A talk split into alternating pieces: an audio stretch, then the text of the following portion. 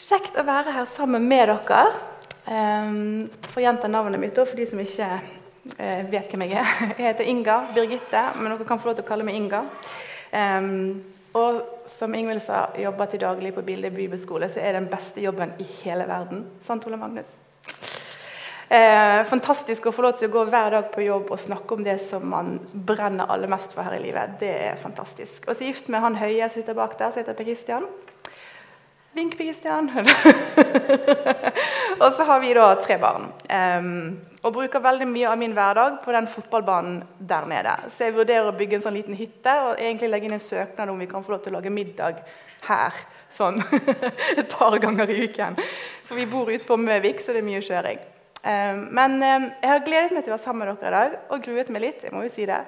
Uh, for bønn er jo et sånt ekstremt stort tema som man kan snakke om det om i det uendelige. Så jeg har bedt liksom, veldig mye om Gud. Hva, hva, skal jeg fokusere på? Hva skal jeg snakke om? Uh, og Det som jeg landa litt på til slutt, da, var et spørsmål eh, som egentlig er litt ransakende. Eh, for jeg har lyst til å snakke litt om hva er det egentlig som hindrer oss i å be? Hva er, som, hva er, det som, stopper oss? Hva er det som holder oss tilbake for å be? For vi vet jo at Guds ord er full av løfter til oss som er Guds barn, i forhold til det å søke Han og be til Han. Vi vet og kjenner mange av de løftene som Han har gitt. Vi vet at vekkelse nesten alltid begynner med at det er noen få, det trenger ikke være mange engang, mennesker som kommer sammen og ber og med iver og lengsel og desperasjon søker etter Gud. Vi vet at helbredelse skjer idet vi legger hendene på hverandre og ber for hverandre i Jesu navn. Vi vet at Gud kan gripe inn og snu opp ned på de mest usannsynlige, vanskelige situasjoner fordi at Guds folk ber. Og vi vet at til og med satanister sant, sier at hvis dere kristne bare visste kraften i bønnen, så hadde dere bedt hele tiden. Og hvis vi vet det, og vi tror det, og vi sier at vi tror på det som står i Guds ord, hva er det da som holder oss tilbake? Hva er det som hindrer oss fra å be? Ehm, hva er det som hindrer oss i å be for mennesker rundt oss, for situasjoner i vår hverdag? Be om helbredelse, be om Guds inngripen. Hva er det da som holder oss tilbake? Og Det har jeg lyst til å snakke litt om denne morgenen. Eh, og Jeg snakker ikke om, nødvendigvis om å be for alt det som skjer der ute. Eh, og Det er viktig, og det skal vi gjøre, men kanskje fokusere litt på hva er det som holder oss tilbake for å be for det som skjer i vårt liv, i vår hverdag, i våre situasjoner som hver av oss har der vi, der vi er. da. Eh, så jeg har liksom litt tre ransakende spørsmål eh, denne morgenen. Men jeg tror det er litt godt av og til jeg, å, å riste litt opp innvendig og bare stille seg sjøl noen spørsmål. Eh, og jeg stiller de, og har stilt de eh, mye til meg sjøl i løpet av de siste årene. det første spørsmålet som, eh, som, jeg, som jeg har lyst til å stille oss, er Har vi glemt han litt? Har vi glemt han litt? Um, og da har jeg lyst til å begynne å ta dere med til Hosea. Uh, for Hosea er en bok i Det gamle testamentet som jeg har brukt veldig mye tid i i løpet av det siste året. For Hosea er en profet. Uh, en profet som beskjed av Gud om at han skal gifte seg med en kvinne som heter Gomar. Og Gomar er en kvinne som alle vet, Hosea inkludert, vet at denne kvinnen er utro mot ham. Ikke bare én gang, men flere ganger. Og så er Hosea trofast mot denne kvinnen og elsker henne på tross av. ikke sant? Eh, og så er dette et bilde på hvordan Gud er trofast mot israelsfolket, som er utro mot han hele tiden. Um, og, um, og, Jeg skal ikke fokusere så mye på selve historien mellom, eh, om, altså historien om Hosea og Gomar, men det er veldig mye i denne historien og denne boken Hosea som jeg syns er så utrolig relevant for oss, da, for min hverdag eh, og for vår hverdag. Eh, for Hosea han snakker veldig mye om det å kjenne Gud. Han snakker om det å ha en intim relasjon med Gud. Eh, og konsekvensen som kommer når vi glemmer han. Konsekvensene som kommer når vi ikke gir han plass i hjertene våre og i livet vårt og hverdagen vår. Bare litt sånn historie da, i, i, eh, i, denne tiden som Hosea befinner seg i, og denne tiden som Hosea profeterer, så er på en måte Guds folk delt opp i to. da. Du har Israel oppe i nord, som består av ti stammer, og så har Judea i sør, som består av to stammer. Og det, Hosea sine profetier de da retter seg mot Israel. Og Han har et budskap til dem som lyder noe sånn som dette her. Dere er på vei mot katastrofe. Det går ikke så bra med dere. Det går liksom nedenom og hjem. Det går ikke så bra med dere. Eh, ikke så veldig oppmuntrende ord, men for dette folket i Israel så ville nå dette her være ord som var litt vanskelig, og et budskap som ville være litt vanskelig å ta inn. Både vanskelig å tro og forstå. Fordi dette folket levde i en tid med ekstremt mye velstand. Det hadde aldri vært så gode tider siden Salomon regjerte i Israel. Hva mener du? Undergang? Hva er det du snakker om, Hosea? Vi har jo det helt konge. Vi har jo det helt fantastisk. ikke sant? Men ting hadde blitt så bra. da. Ting hadde blitt så godt at de ikke lenger trengte Gud i sin hverdag. De brukte ikke tid på å søke hans ansikt lenger. Be til han. De hadde glemt kraften i tilbedelse, og hjertene deres var ikke overgitt til Gud. Politisk så stolte de mer på sine strategiske samarbeidspartnere enn de stolte på Guds ledelse og hans velsignelse. Moralsk så var ting katastrofale. De var stolte, arrogante, grådige, og det var overveldende store synder blant folket. De trodde jo på Gud. ikke sant? De hadde jo kunnskap om han. Men i tillegg så hadde de en hel haug med andre idoler og avguder som tok oppmerksomheten deres. Det var velstand. De hadde alt de trengte, men det var ett problem. Og Det problemet det kan vi lese om i Hosea kapittel 13, vers 6. Der står det i Hosea 13, vers 6.: Da de hadde beite, ble de mette. De ble mettet, men deres hjerter ble hovmodige. Derfor glemte de meg. Derfor glemte de meg. Litt etter litt så glemte de Gud. De glemte å involvere han. De glemte å, å ta han med i hverdagen sin og i det som foregikk blant dem. Og det begynte å få konsekvenser. Og det var jo ikke det at ikke de trodde på Gud, for de søkte jo han litt sånn innimellom. ikke sant? Og det kan vi lese om i Hosea kapittel 6. For der står det noe som jeg bare synes egentlig er litt sånn komisk. For der står det i Hosea kapittel 6 Kom, la oss vende oss, på en måte, sier de. Kom, la oss vende oss om til Herren. For da hadde det begynt å bli litt problematisk her. sant? Kom, la oss vende oss tilbake og vende oss om til Herren, for han har revet oss i stykker. Han kommer sikkert til å på en måte sette oss sammen igjen og helbrede oss. Og Ordlyden her og måten de sier det på, synes jeg sier noe om den relasjonen de hadde fått til Gud etter hvert. De skylder på han. Det er han som har revet oss i stykker. Det er han som er skylden for at vi har problemer. Når velstanden og velsignelsen var der, så glemte de Gud. Når problemene kom, så skyldte de på Gud. Og så står det i Hosea kapittel 4, vers 6. Mitt folk går til grunne fordi det mangler kunnskap. Mitt folk går til grunne fordi det mangler kunnskap. Og Her handler det ikke om kunnskap i hodet. Dette begrepet, eh, dette begrepet kunnskap om handler om å ha en intim og nær relasjon med Gud. For kunnskap om Gud det hadde jo israelsfolket. De hadde masse kunnskap om han. Men den nære, intime relasjonen begynte etter hvert å skrante litt. da. Så Gud kunne like godt ha sagt 'mitt folk går til grunne'. Altså mitt folk, Ikke hvem som helst, men mitt folk, de som tror på meg. De som sier at de, mitt, mitt folk de går til grunne. Eller det går ikke så bra med dem. De sliter litt fordi de mangler intimt fellesskap med meg. De mangler en personlig relasjon med meg. De sier de tror på meg, men de har glemt meg litt. Og dere, Det treffer meg. da. Det treffer meg så innmari. For jeg i min hverdag og i mitt liv kan ofte ha en tendens til å glemme Gud litt. Sånn, jeg tror på han og har min frelse min konge, men i hverdagen i alt det som skjer, så kan jeg av og til glemmer han litt. Um, gjennom hele Guds ord så finner vi eksempel på eksempel da, og personer og dette folket som Gud han velsigner. Sant? Han leder dem, han gjør mirakler blant dem. og Så går det litt tid, og så glemmer de han. De tror at de klarer seg sjøl. Litt etter litt så involverer de han ikke lenger i sin hverdag, i sine aktiviteter, i livet, i valgene, i utfordringene osv. Eh, og Jeg tror ikke vi er så veldig annerledes i dag. Det kan godt hende at det bare er meg og ikke gjelder dere. Men eh, jeg har en mistanke om at ikke det nødvendigvis bare er meg. da. Eh, og I en tid som vi lever i nå, da, med så mye usikkerhet og så mye frykt og så mye forvirring som det er òg blant oss kristne i samfunnet vårt i dag, så tror jeg det er svært nødvendig at vi ikke glemmer hvem det er vi tror på. At ikke vi glemmer hvem det er som vi faktisk ber til. Og Det leder meg til neste spørsmål, og det er trenger vi han sånn egentlig? Trenger vi Gud sånn egentlig? Og Da har dere lyst til å ta dere med til Jesaja kapittel 30, som òg er sånn, eh, et kapittel som jeg har brukt veldig mye tid i. og det er Jesaja kapittel 30. For der leser vi et vers. Det er et vers som jeg har fått tilsendt veldig mange ganger, og det er vers 15. Eh, men når jeg får tilsendt dette verset, så får jeg denne setningen.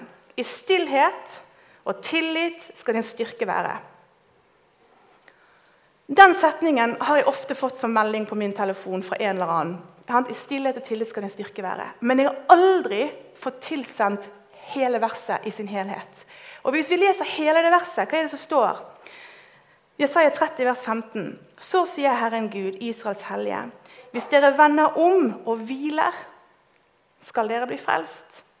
I stillhet og tillit skal deres styrke være. Og så kommer det. Men dere ville ikke. Dere sa nei, vi vil flykte på hester, osv. Og, og jeg syns det er utrolig fascinerende. For hva er det israelsfolket blir bedt om å vende om fra her? Jo, Hvis vi leser hele kapittelet, så ser vi at israelsfolket blir bedt om å vende om for at de søker styrke og hjelp alle andre plasser enn hos Gud. Det står liksom i vers, eh, tidligere i kapittelet i vers 7 blant annet, sant, at de, de, søkte hjelp fra Egypt, og at denne, denne hjelpen er forgjeves. Altså, de ville flykte på hester istedenfor å venne seg til Gud og søke Han om hjelp, om råd osv. Og, og nok en gang så tenker jeg hm, Det er jo litt sånn hos meg òg. Det er jo kanskje satt litt på kanten, men jeg vil ikke.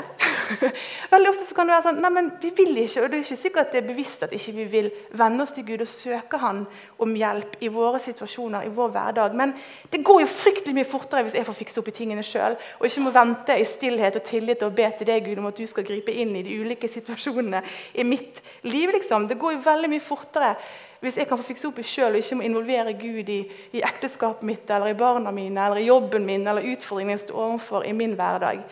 Um, og Jeg har vokst opp i Indonesia som misjonærbarn, og der lærte jeg utrolig mye om bønn. Eh, ble noen syke? Vi bodde langt ute i en jungel. Det var ti timer å kjøre til nærmeste dopapir.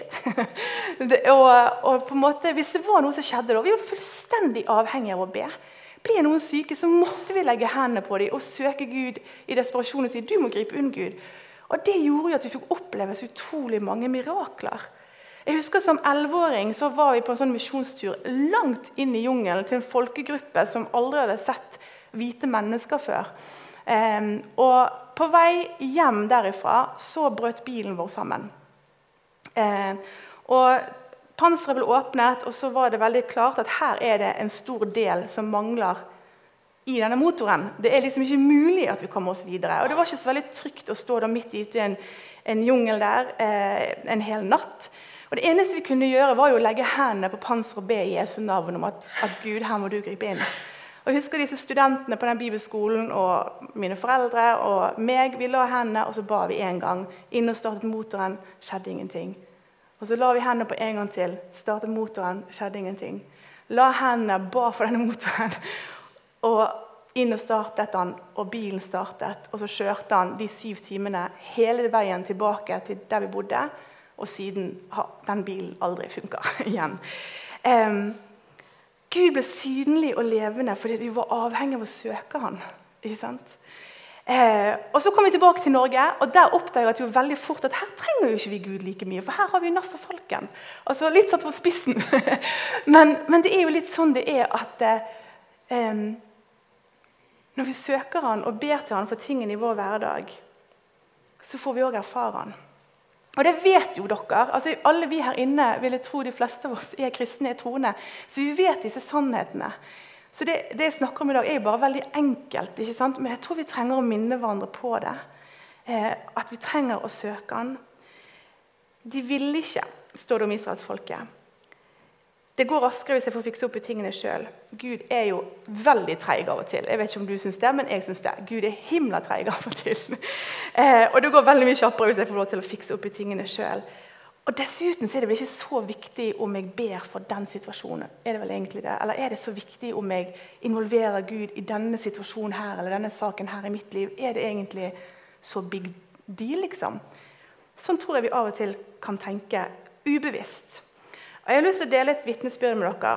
Eh, noe som skjedde i vår familie i sommer. veldig enkelt vitnesbyrd. Men noen ganger tror jeg vi trenger å bare minne hverandre på det enkle.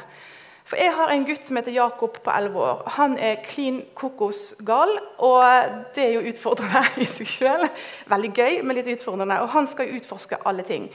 Det som skjedde siste uken i juni, var at han bestemte seg for at han skulle klatre opp på et sånt gjerde og stå på én fot. Det som skjedde var at Han falt med hele sin tyngde opp på en sånn jernstang og kutta foten helt inn til beina. Sånn, det var grotesk, for å si det sånn. Det var helt inn til beinet. Det vella ut, og det var sykebil, ambulanse rett inn på Haukeland i narkose og operasjon osv. 25 sting i den lille foten. Um, det var en altså, millimeter fra at han hadde kutta eh, nerven i foten som hadde gjort at han aldri kunne ha spilt fotball igjen, som han elsker, og beveget seg normalt med denne foten. da. Umiddelbart selvfølgelig, mens vi ligger der på bakken sammen og, og venter på sykebilen, så samler vi oss rundt han som familie og så ber vi for han. Og Så går timene, og så får vi beskjed om at dette kommer til å gå bra.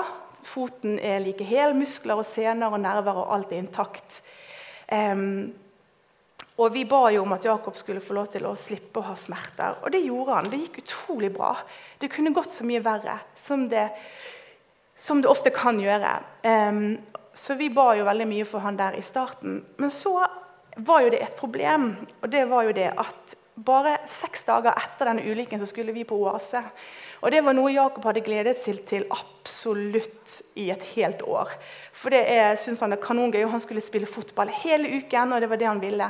Og vi måtte liksom si det er ikke sikkert at du får spilt så mye fotball, for dette her er et ganske stort sår, og du bør ikke bevege ham for mye. Du har 25 sting i foten, og det må få tid til å gro.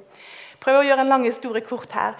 Men det vi bestemte oss for, var rett og slett at vet du hva, nå skal vi be for denne foten hver eneste dag. Vi skal be om et mirakel, og vi skal be om at Gud griper inn, og at dette såret skal gro i en enorm fart. Så nesten sånn ca. tre ganger om dagen så la vi hendene på Jakob og ba i Jesu navn om at dette såret skulle gro. På fredagen da skulle vi reise til Oase, og først skulle vi innom legekontoret for å skifte bandasje, bandasje bl.a. og rense såret. Og vi venter liksom i spenning på har du gjort noe, Gud. liksom. Um, og kommer inn på legekontoret, og legen tar av mandasjen og skal rense såret. Og så står han der og sier han, Guriland, dette såret har grodd altfor fort. Altså, Dette her er jo, har jeg knapt opplevd før. Og så visste jo vi hva det var som hadde skjedd. Um, og Jakob reiste på oss og spilte fotball hele uken uten smerte. Inntil den siste dagen. Den siste dagen så begynte han å kjenne smerte i foten. Og Den kvelden så sneik han seg inn på Tennoase. Det er da et arbeid for tenåringene. Han hadde sneket seg inn, han er bare 11 år, så han hadde ikke lov til å være der egentlig. Men den kvelden så var det en som snakket om nettopp bønn og helbredelse. Og oppfordra disse unge menneskene til å legge hendene på hverandre og be for hverandre. Hvis det var noe som var vondt eller vanskelig, eller om det var noen skavanker skulle til å si, i kroppen. Og Da hadde Jakob sagt til de som sto rundt kompisene, at eh, jeg begynner å få veldig vondt i såret. Kan dere be for meg? Og Så sto disse små gutta rundt vet du, og la hendene på, på han. Så blant annet Blombrødrene var der og, og ba for han. Og umiddelbart så kjente Jakob at eh, der forsvant smerten. Og denne lille gutten løp fram foran 500 ungdommer og vitna om hva Gud hadde gjort med han eh, både uken før og den kvelden. Hvorfor deler jeg dette med dere? Det var mer enn 20 ungdommer som ble helbredet den kvelden. tror jeg. Stemmer ikke det? Jeg tror det i hvert fall var cirka det de sier. Og hvorfor deler jeg dette med dere? Det er et veldig enkelt vitnesbyrd. Men jeg tror at hvis ikke vi hadde bedt, så ville vi heller ikke fått oppleve svaret. Og som jeg sa, Vi fleste her inne vi er kristne og vi har vært kristne i mange år. Vi vet denne sannheten at hvis ikke vi ber, så får vi ikke. Men jeg tror nok en gang vi trenger å minne hverandre på det. Jakob fikk oppleve Guds hånd på en måte som han aldri kommer til å glemme. Hadde ikke vi bedt, så hadde ikke vi fått opplevd miraklene. Hvis vi bare hadde tenkt ja, men dette går fint altså, Han må halte i et par uker, og så går dette, går dette over. Jeg tror det er så ofte vi tenker sånn, men Gud er en god far som ønsker å gripe inn i vår hverdag og våre situasjoner. Eh, og at vi skal få lov til å våge å søke han og be til han. Og så vet jeg at Når jeg deler et vitnesbyrd som dette, så tenker noen ja, men det er fint Inga Bite, at dere fikk oppleve det. Men jeg har bedt i mange år. Jeg har bedt og bedt, jeg har fasta og bedt. Jeg har gjort det ene og det andre, og Gud grep ikke inn. Det skjedde ingenting. Og Jeg har lyst til å på en måte avslutte med enda et vitnesbyrd. Og dette er personlig vitnesbyrd fra mitt liv. Um, for jeg tror at, Nå har jeg snakka litt om på en måte, hva er det som stopper oss fra å be. Og jeg tror Noen ganger er det rett og slett fordi vi glemmer han. Og så tror vi at vi egentlig ikke trenger han i de små og store situasjonene i vår hverdag. Men den siste store tingen som hindrer oss å holde oss tilbake fra å be og søke hans ansikt, det tror jeg er skuffelse. Og det tror jeg vi må tørre å snakke om som kristne. at Noen ganger er vi så skuffa over Gud at det rett og slett bare er vanskelig å be konkret om ting. Og Jeg har opplevd det veldig til de grader i mitt eget liv. For vi kom tilbake, meg og familien kom tilbake til Sotra for fem år siden. Før det så bodde vi seks år i Midtøsten, i Dubai. Eh, og De første årene der så hadde jeg det egentlig ganske tøft, for jeg opplevde å få noen enorme smerter i nakken og hodet pga. en ulykke som hadde skjedd noen år tidligere, annet. Um, og det påvirket Jeg hadde daglig smerte. Og det påvirket familielivet, det påvirket relasjoner, det påvirket hva jeg kunne være med på, og hva jeg ikke kunne være med på. Eh, og det ble en fase i mitt liv hvor den nære relasjonen som jeg hadde hatt til Gud i så mange år, eh, litt etter litt tørket litt inn. Litt ubevisst, på en måte, men det skjedde noe mellom meg og Gud. For mye av min søken etter Gud ble liksom Hvorfor, Gud? Hvorfor helbreder du meg ikke? Hvorfor? Hva er dette for noe? Jeg trodde du hadde kalt oss til, til Dubai. Jeg trodde Det var du som ledet oss hit. Og så sitter jeg her støkk. Jeg kan ikke engasjere meg i menighet. Jeg kan ikke være med på ting. Så videre. Det var så mange ting da, som gjorde at jeg ikke kunne gjøre det, det jeg trodde jeg var der for å gjøre. Eh, og um, ubevisst så trakk jeg meg lenger og lenger bort ifra Gud. Og vi vet jo at Jo mer vi trekker oss bort fra Gud, jo, mer, jo vanskeligere blir det. ikke sant? Jo sårere blir det, og jo mer bitterhet blir det.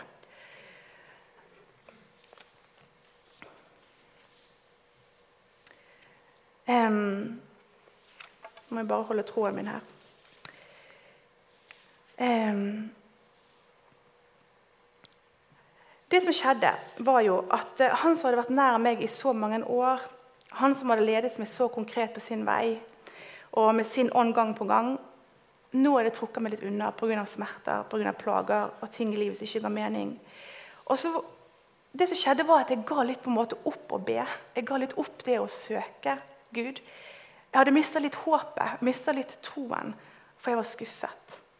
Og I hagen vår på den tiden så sto det et tre. Og Dette treet det var helt dødt. Det var ingen blader, ingenting på dette treet. Eh, og Vi liksom vurderte om vi skulle kutte, kutte dette her treet ned. da. Eh, og så skal jeg fortelle dere en historie om eh, Det var en dag i mai. Og mai i Dubai er ekstremt varmt. Det er liksom opp i 50 grader. Det er liksom sånn veldig, veldig varmt. Um, og så var det en dag jeg da skulle kjøre midt i denne verste fasen. Jeg hadde veldig mye smerter, og livet på en måte raste litt. Så var vi på vei til barnehagen, og jeg skulle kjøre Daniel, som nå er 13. Han var da fem år. Jeg skulle kjøre han til barnehagen. Og På vei til barnehagen så er det en sånn allé med noen flotte trær som har noen helt vanvittige, flotte røde blomster. Det heter flame tree, heter disse trærne. Ildtreet. Um, og Langs hele veien så er disse svære trærne med disse røde, flammende blomstene. Og Så sier Daniel på vei til barnehagen mamma, hvorfor er det ikke blomster på treet i vår hage. Jeg har lyst på sånne blomster på treet i vår hage. Jeg sier, ja, men det treet i vår hage det er, er, er dødt. Og, og liksom, sånn er det bare, sier han. Men mamma, vi kan jo be, da.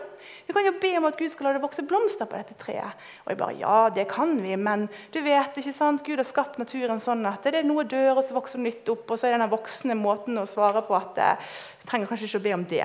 Um, og så ble det stille. Eh, og Så kom helgen, lørdagen. Vi hadde ikke vært så mye ute, for det var som sagt fryktelig fryktelig varmt. Eh, men denne morgenen så våknet alle veldig tidlig, sånn klokka fem om morgenen. Og da var det bare sånn 40 grader, så var det greit å gå ut.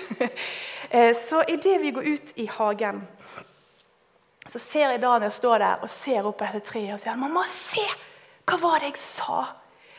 Og så ser jeg et tre der det har vokst mange små røde blomster.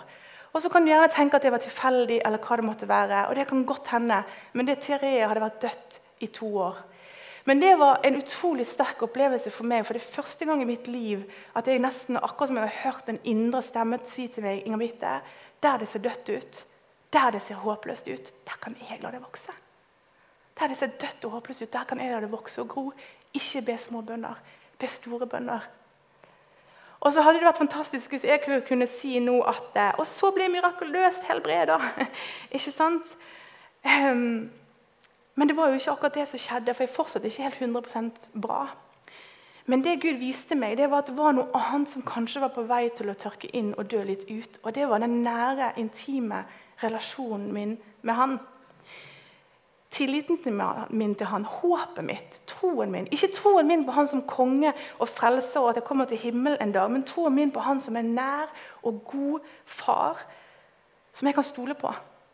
Og Det var det Gud ønsket å vekke litt til liv igjen i mitt hjerte. Og Det var ikke det Gud prøvde å rope ut gjennom både Hosea og Jesaja i sin tid. Kom tilbake til meg. Kom tilbake til meg. Ikke glem meg. Ikke glem hvem det er du tror på. Ikke tro at du klarer deg sjøl. Og gjennom et dette treet da, så prøvde Gud å få litt min oppmerksomhet. Um, og Jeg tror vi alle kanskje har noen sånne døde trær i vårt liv. Områder der vi har gitt litt opp. Områder der vi har mista litt motet. Eller områder der vi er skuffa over at ting ikke blir akkurat sånn som vi hadde håpet og trodd og bedt om. Områder der vi mister litt troen på at Gud kommer til å møte opp. Og så gjør det òg at bønnene våre slukner litt. på en måte. Vi tror sant? vi er kristne, vi er frelst. Og, men det å ta Guds ord på vanskelig konkret inn i min situasjon, det blir litt vanskelig. Har du noen si, døde trær i ditt liv? Områder du trenger at han kommer og helbreder skuffelsen, eller områder der du trenger at han på nytt vekker til liv? For skuffelsen som ble planta i meg, da, påvirker hvordan jeg ba, og hva jeg ba om og hva jeg turte og ville be om. Det at jeg ikke opplevde helbredelse i mitt liv, gjorde at jeg av og til lot være å be om helbredelse for andre. Ikke bevisst, men ubevisst. Det var litt vanskelig å be om helbredelse, for innerst inne, ubevisst, så kjente jeg og tenkte jeg nok ja, men det vil jo mest sannsynlig ikke skje noe, så likevel. Jeg begrenset Gud til det jeg hadde erfart, istedenfor å bare fortsette å stole på sannhetene i Guds ord om at vi skal få lov til å be og be og søke Han, og ikke miste motet og ikke gi opp. Og det som skjedde var at Etter hvert som relasjonen til Han våkna til liv igjen, så skjedde det òg noe med troen min. Det skjedde noe med håpet mitt, med overbevisningen, eh, med freden. Og så skjedde det noe med bønnene mine. I innledningen så stilte jeg spørsmålet hva er det som hindrer oss å be. Hva er det som hindrer oss å be når vi sier at vi tror på det vi tror på? Og Det er mange aspekt ved det, det er mange ting ved det, men jeg tror at det at vi glemmer han, at det vi trenger, tenker litt ubevisst kanskje av og til, at ikke vi egentlig trenger han i hverdagen vår, de små tingene i våre liv.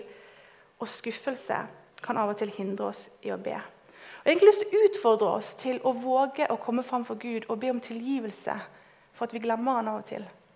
Be om tilgivelse for at vi tenker at ikke vi trenger han, og inviterer han inn i skuffelsen vår. For det tåler han. Han tåler så til grader at vi inviterer han inn i vår skuffelse og snakker med han om det.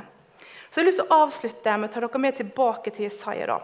For det ender jo ikke med at israelsfolket sier at eh, nei, vi vil ikke, vi vil klare oss sjøl. Eh, det ender jo ikke der.